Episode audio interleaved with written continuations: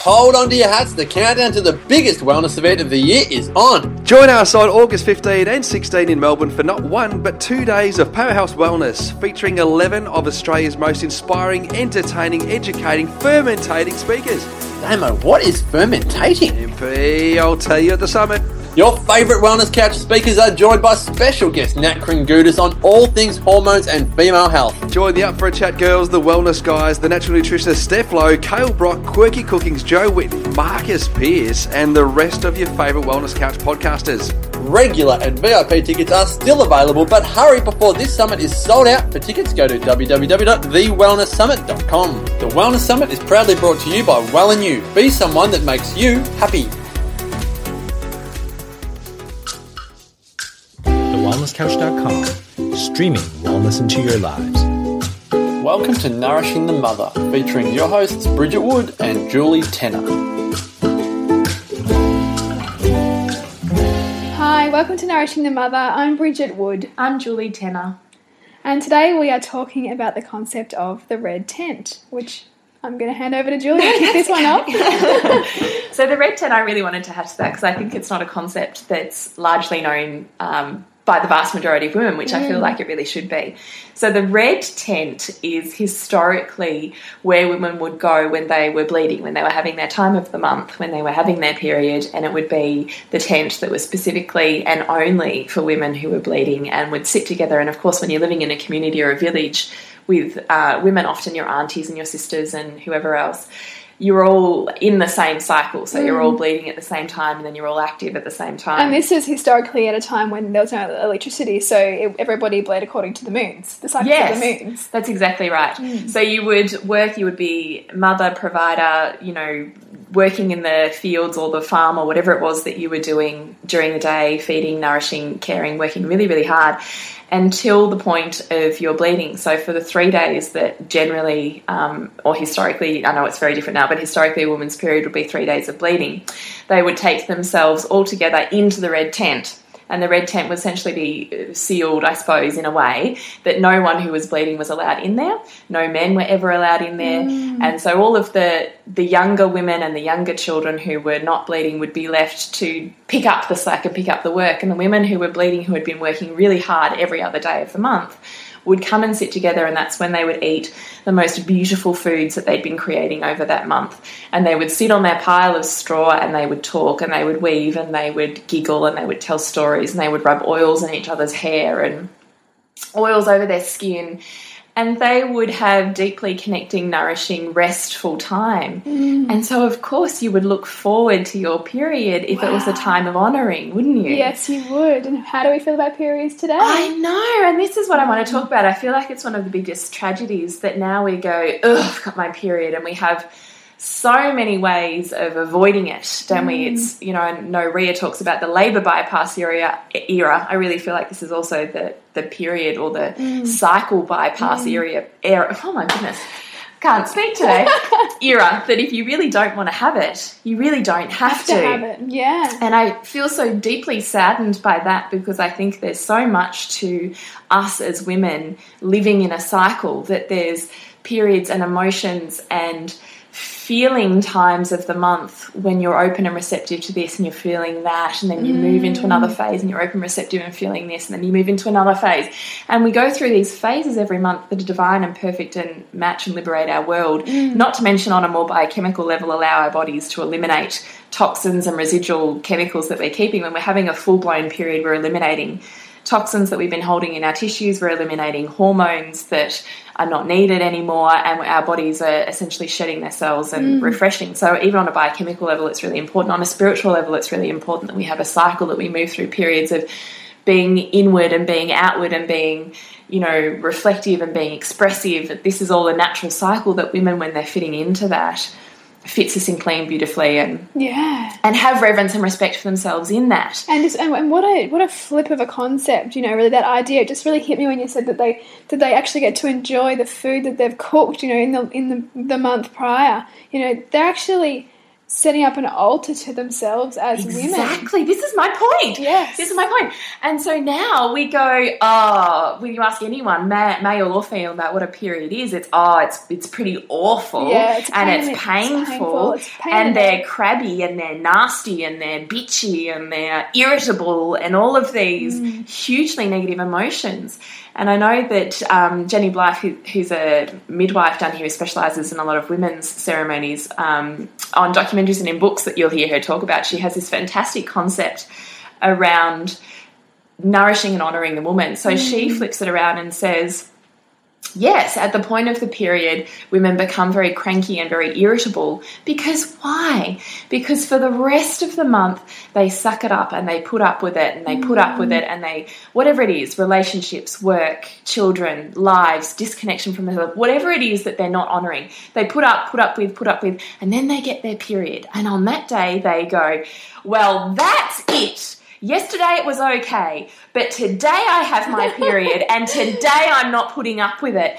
And the whole point of it is mm. our period, our cycle, our flow is that moment where it makes us go inward and say, mm. I am so much more worthy than putting up with this. And today I will not let myself be made to feel like this, mm. or I will not allow myself to go through this anymore. And we have this flipped version of events that it's just because we've got another thing to deal with, but actually mm. what it is is our soul's calling. And you know, our bodies are incredibly intuitive because as our cultural shift has gone from honouring the woman in a period and to what towards seeing periods as you know negative as for well, yes, well, sorry, yeah, But, but as you know, negative thing, as something disgusting, as kind of like just a, an, an inconvenience of womanhood. We've also manifested physical illnesses in women in endocrine mm. disorders such as PCOS, endometriosis, which are ultimately at an emotional level disconnect about a reflective a reflection of our disconnection with ourselves as women. So we, our bodies are incredibly in tune with what's going on with us at an emotional and spiritual level, and we are often creating these physical manifestations of what's going on in our outer world mm. culturally, you know. And I would, I'd love to go back and look at the the kind of point at which we've started to see an increase in some of these things because I really do wonder if there's a correlation, you know, with this idea of no longer nurturing ourselves in that space. You know, seeing ourselves as disconnected from our reproductive system, seeing ourselves as disconnected from our ovaries, our womanhood. Exactly. And it isn't it given also that sense of ick about it mm. that we don't even kind of want to know about Well, it. the fact that you see ads and you know, a young child could be mistaken for thinking that periods are blue. Look at ads on TV. That's outrageous. Isn't it? Takes a whole nother You know, it's, it's it's we are we are. It's, if that is not an example of how removed we are from our bodily functions as women, I don't know what is. No, also, yes, but also for me, it really comes back to this sense of of of honoring ourselves. Yeah. Is what is it in your life that you will not put up with when you have your period? Because that is actually the thing that you need to shift mm. for the rest of the month. Yeah, Because that's your calling. It's the it's the moment in your cycle where your body and your soul makes you go inward and take enough notice of it that it says, change this. yeah, You're not honoring me. Mm. Make it better. And if you listen to Isn't that, that in the rest of the month, then you don't have the crabbiness and the nastiness and the bitchiness when you get to the period because you're not putting up with all this stuff Yeah. that now you're not because there's conflict. Because there isn't if you're honouring and nourishing yourself and putting back in Mm. for the rest of the month, or maybe drawing a line in the sand and going, okay, something has to shift here, Yeah. and this is what it is. So if you're feeling cranky and, and antsy about something when you have your period, I would ask you to reflect what it is that you could shift or change around that in the rest of the mm, month because I mm. bet you will find a shift and a difference when you come to having your period again. And that might be in PMS that may disappear, that might be in the heaviness or the pain or the whatever it is that you are experiencing in your actual period. Could very well shift when you shift the emotional baggage that's Yeah. around it. yeah. And for anyone who's listening here who doesn't have a period, I'm your voice because I haven't Sorry. had one. Since, Sorry. No, no, no. We're all good. But I just want to make it clear that because I'm thinking, oh, I don't know how I feel then. You know, I don't I don't know how I, whether I'm crabby or not because I haven't had a period in Actually, you over totally two years. talk about this. Oh yeah, well, so I have PCOS and and um and I had that before I had my son, and I conceived my son through um, with assistance from traditional Chinese medicine, which was has been amazing for me. Um, and I and I'm absolutely looking at the, the emotional manifestations of things like PCOS and um, any other endocrine disorders, and and so I listened to this really really interested because I'm trying to connect back with myself at that time, um, when I was getting a regular cycle, which also wasn't managed by the pill, which it was for a long, long time, which also obviously impacts um, our hormones and emotions and everything. Well, it does. I just want to very quickly touch on that in terms of looking at it from a biochemical, again, naturopathic Yeah. point of view. Is that a lot of women, young girls, go on the pill because they're having menstrual problems, and their pill is seen to just take care of it because all of a sudden you've got this really normal 28 day period, and you've got a uh, sorry 28 day cycle and a period that. Um, are you right? yeah. Okay period that comes and, and goes in this very you know small window. But it's all fake. So all of the underlying hormonal issues that you have actually continue to fester and potentially get deeper in your body or get worse. It's masked by this well i'm going to term in commas a fake period. So the pill overrides your normal hormones which are still functioning underneath and makes it look like it's normal. So when you go on the sugar pill it dips just enough that you bleed. But it's not like a cycle mm. natural normal hormonal period when your hormones are running and you've got this huge um, elimination process, I suppose, going on. It's very different. And it's a good point to make too that I mean I know that when they designed the pill, they actually designed it originally to not have a period, and then at one point somebody said, "Oh no, women won't feel um, comfortable if they don't have a period, so let's put the sugar pill in."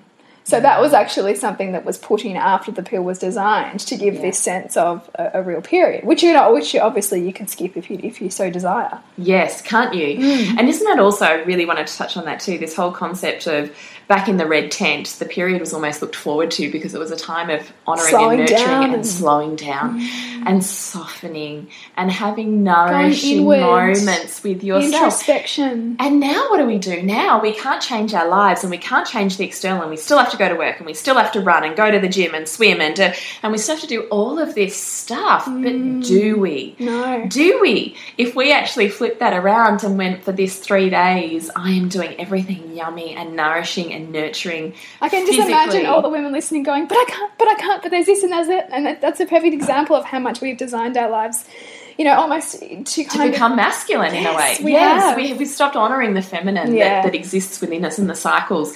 And in that, we stopped honouring the softening that happens in Mm. that. So, oh, it just so speaks deeply to me. Anyway, I want to really go back to, to your journey that you were talking about with uh, your spiritual journey with not having a period. Yeah, because I think that there's a lot out there around, you know, the period being representative of womanhood and fertility being representative of womanhood and what it means to be a woman.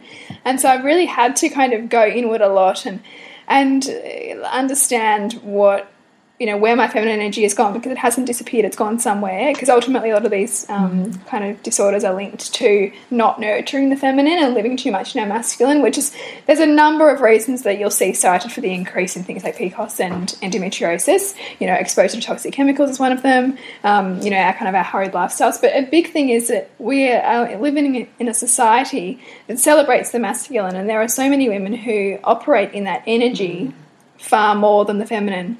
And our bodies respond to that, or not respond, you know, and shut down some functions.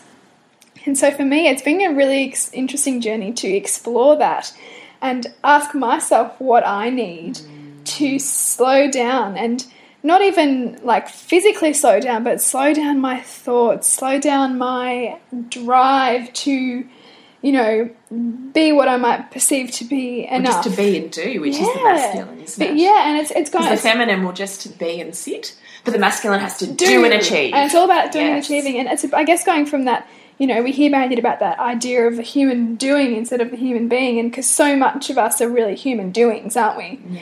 And so I think that these kinds of things, when you're challenged with infertility or, you know, a missing period, they're little insights into what's out of balance in your life. You know, what do you need to come home to in yourself to reconnect, to nurture? Because, I mean, ultimately, there's a plethora of things that you might be able to do from a biochemistry point of view, from a pharmaceutical point of view, to make your body do what you want. Um, but your body is so intelligent for t- helping you to come back into balance and telling you what's going on with you at a spiritual, emotional, mental, soul level. Um, and I think that there's beautiful gifts in that if we can allow ourselves to sit with it. You know, some days I'm totally fine with it, and I'm like, "Today- today's one of them. Other days I kind of, you know, go into the bit of resentment about why is this happening.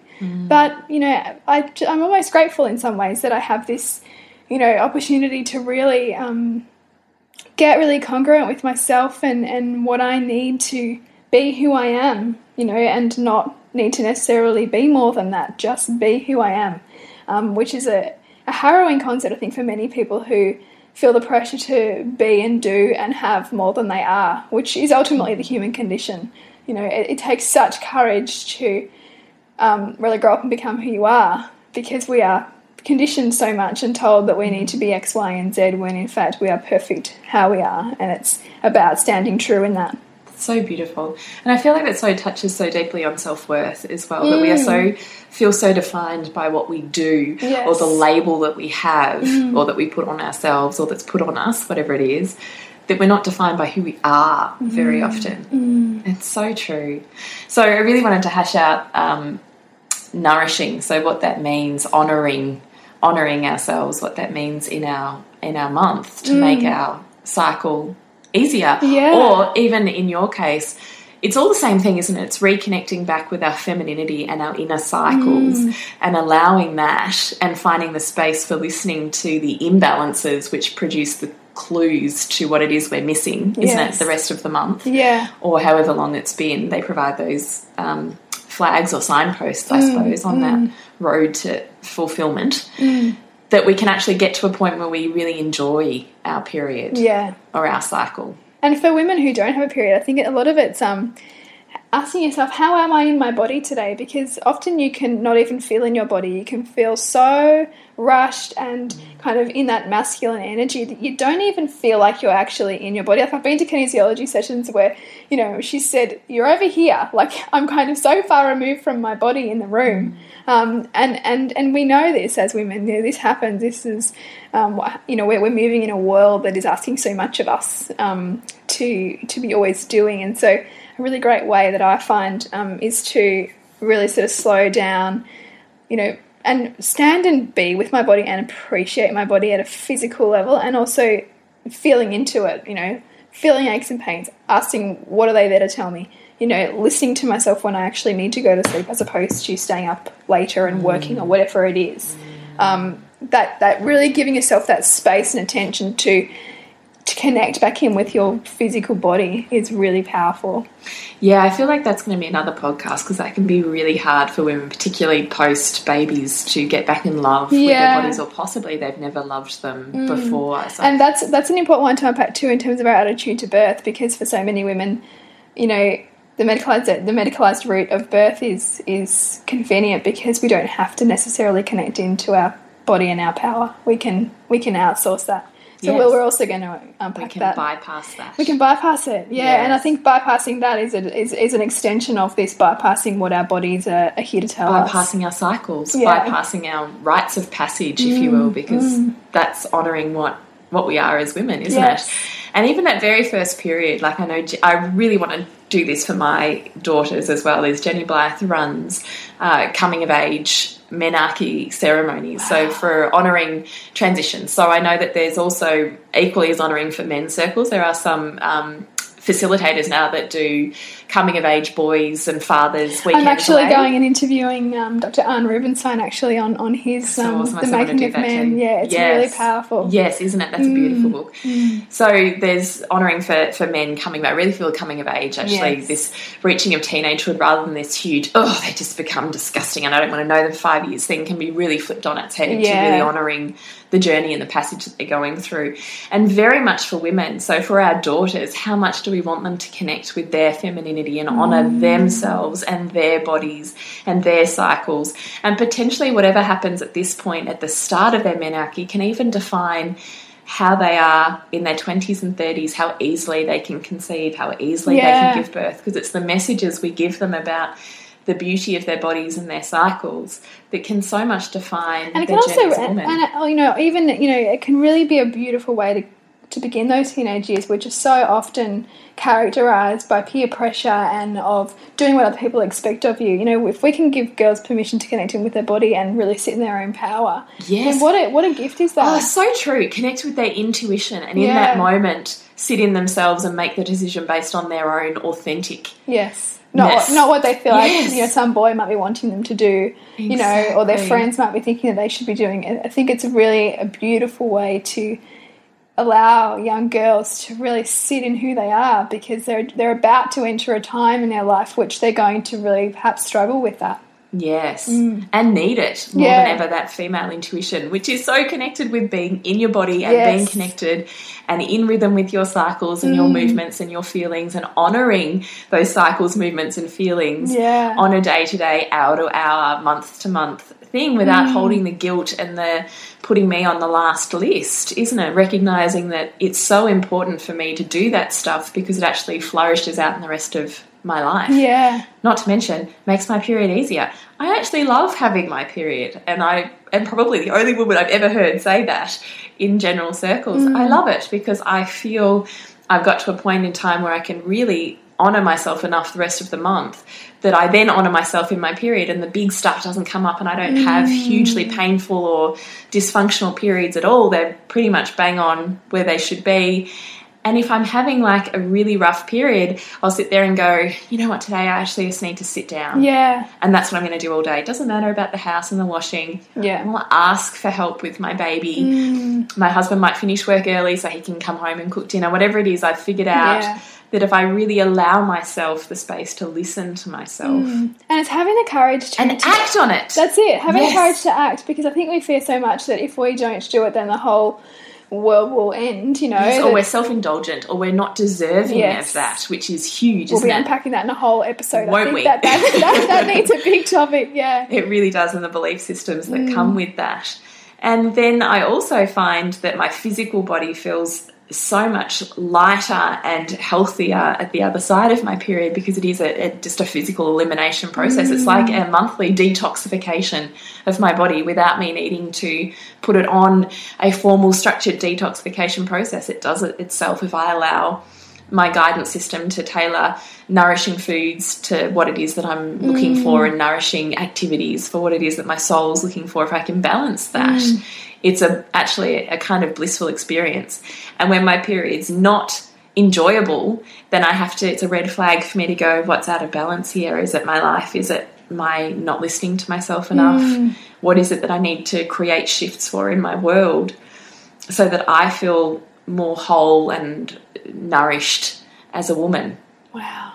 I know. I've just been thinking, like, you know, there's there's so much in that for women, you know, to really almost it's like a toolkit, isn't it? It's just sort of kind of what do I need to do in my it's month? a map every month, Yeah. every day of going, hello, this needs attention. Yeah. Hello, not And- getting any love over here. And it doesn't need to be. I mean, obviously, you know, you're running a household of three children. You know, Yes. busy, busy, busy. But doesn't need to be whole chunks of hours No. of time. It can be small little rituals. It can be small things. And even so much as the food that I choose to put into my mouth. You know, there has Mm. Loving, to be loving yourself loving enough. myself enough to want and enjoy and love the food that I'm Mm. eating. Because when I really create nourishing food for myself during the day, I feel amazing. Yeah, that's a big one. Isn't it? I feel like that's a whole podcast on itself, too. Anyway, um, so nourishing myself with food and nourishing myself with self care Mm. that I feel that I need. So sometimes that is time out, and sometimes that's a bath, and sometimes that's going to bed early.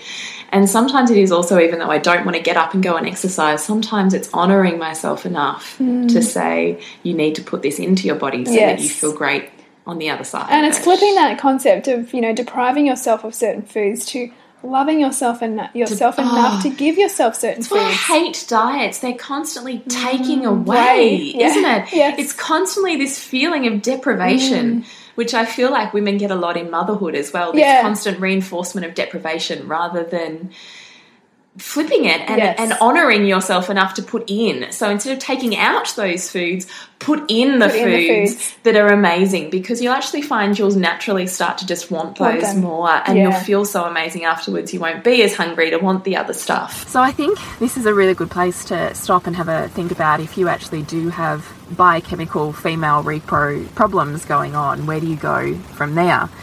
Now, I suppose in terms of my background and a naturopath, we would go down the point of herbs and diet changes to manipulate your hormones ultimately, which does work but takes a really long time. It is a six to nine month investment, and potentially there's blood tests and all sorts of other stuff going on to get a hormone profile picture. My spiritual side of me says you would, on top of that, be looking for things to create movement and blood flow and circulation to that area of the body. So I feel like this is when energetic medicine would come in. So for me, it's things like doing belly dancing, where you're really looking at moving the hips and the muscles of the uterus and massaging those female areas. And getting back in, in connection with the inner feminine through that mm. body movement as well, I think is hugely powerful. Then I would look at also things like acupuncture. You know, if your basic westernized naturopathy isn't working, it could be that you need more of an energetic shift. And acupuncture and traditional Chinese medicine really does actually balance that out and offer something different. And I think that that can work incredibly well for a lot of people, particularly women. And that's certainly been my experience. I mean, I um, I've been having acupuncture for yeah on and off about six years, and I certainly attribute um, that a lot to helping me um, conceive Hugo. Um, that that was really what I needed to help create those those shifts to allow that into my life, and it's it is enormously powerful. Other things um, like kinesiology is a great one, and Yeah, so you know, kinesiology is really tapping into the physical body about the emotions that are trapped there that can be creating physical manifestational problems. Yeah, and I mean, and in terms of the other things you can do, things like yoga, which are that self inquiry and also the twisting that that gives you Yeah, around, again. yeah, around that area to help kind of stimulate blood flow to the ovaries and the reproductive organs. Yes, um, totally. It's been a, a really big part of my journey as well. And where I really wanted to head off, so there's all that stuff, and I'm sure that there's more that you know about. What I really want to try and fit in in this podcast was a concept that Bridget um, brought to me when we were having a discussion a few weeks ago, and it just I had that one of those aha, aha moments when, yes, that's it. And I would really love you to share with our listeners that moment um, of insight that you offered to me about what a snapshot of biochemistry is and how you can change that through psychological dynamics, I suppose. Yeah, and I think that that's what I really landed with because I, I did journey um, the, nat- the naturopathy kind of um, paradigm last year when I was investigating where things were at with my hormones, and and I kind of it was really great and insightful, but I also thought, well, we're working with a snapshot at a moment in time of how my hormones were behaving from a blood test or a urine sample or whatever it was. And then I thought, and I think I asked you, but aren't we creating our hormones in every moment, you know, through our brain and bodily functions? So to be to be building a whole profile um, and a protocol for months at a time based on that single snapshot, it just a penny dropped with me, and I just thought, is this is this what I'm feeling? Is this sort of what I, you know, what I'm, I'm wanting to do? And and that really kind of prompted in me a desire to look more within. Okay, well, what can I do from a belief point of view, or from an underlying, um, exploring my emotions point of view to help shift that stuff myself. Um, really kind of taking that point of view around. Um, I know Dr. Bruce Lipton explores this idea, the biology of belief, and and that our perception, you know, you change your perceptions and you change the chemical um, balance in your body is really ultimately what he's getting to, and it, it's it's amazing when you see that and, and feel that. And I've been doing quite a bit of work on on that side of things, which can be a challenging concept for people. I think that that idea that we are creating our reality, which is ultimately what it's getting us to see. Yes. Mm. And just that, I really, you phrased it to me in a particular way that it was, oh, golly, I can't even remember now. It was something about um, well, the concept of you're changing your hormones in every minute, given what you're putting in and what you're putting out, and all of, and the belief systems that go along with that. And that you have the power to change, therefore, your hormone and your biology profile Yeah. at any minute of any day, at any point in time. And so it totally flips on its head that concept of infertility, which might get thrown around that word, you know, they Yes. get that label that can be so devastating Or for any women. female rep, like I'm even thinking for me as a naturopath, how did I not know this over the last 10 years? Just that concept of I'm, we so use tests and profiles Yeah. and what the results we get from that, as does most Western medicine, the results dictate how we treat that person long term. Yeah. And the thing is, it is just a snapshot of one moment in one time, Time. That could be shifted potentially through a shift in perception and belief systems Mm. Yeah. that shifts things on a hormonal physical level Mm. that therefore make it irrelevant.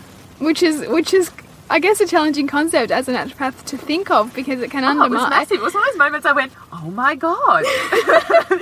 But it, but I mean, it's a challenging concept because it can undermine so much of the way you might practice. You know, because and, and, you know, and totally, of course, you know, if you don't have much else to go on, then that's a t- you know really reliable, I guess, approach. But but I, but I guess it's, it's only half the picture if, if we're not looking at everything. it's still else. very biochemical, isn't Yeah. it? I mean, it doesn't incorporate the spiritual, real holistic version of who that, that Mm. person is. We're just looking at a biology snapshot. It's reducing things down to its component parts as opposed Yes. to that Yes. whole view. exactly. Which I think with women particularly, like, and this is not from a, my clinical training by any stretch, but we are so complex, you know, and and the our fertility is is so tied up in so much more than just the biochemical, you know, like it's it's our belief systems, it's the archetypes that we've grown up with, it's that what our society tells us it is, it's you know the dynamic within the family that we have or or want, you know, like there's so much influencing. Um, Not even to say the woman you are and how you fit in your physical body and how you feel and what kind of connection if you have a connection with your physical body because Yes. there's so many women who who really sort of don't you know. Yes.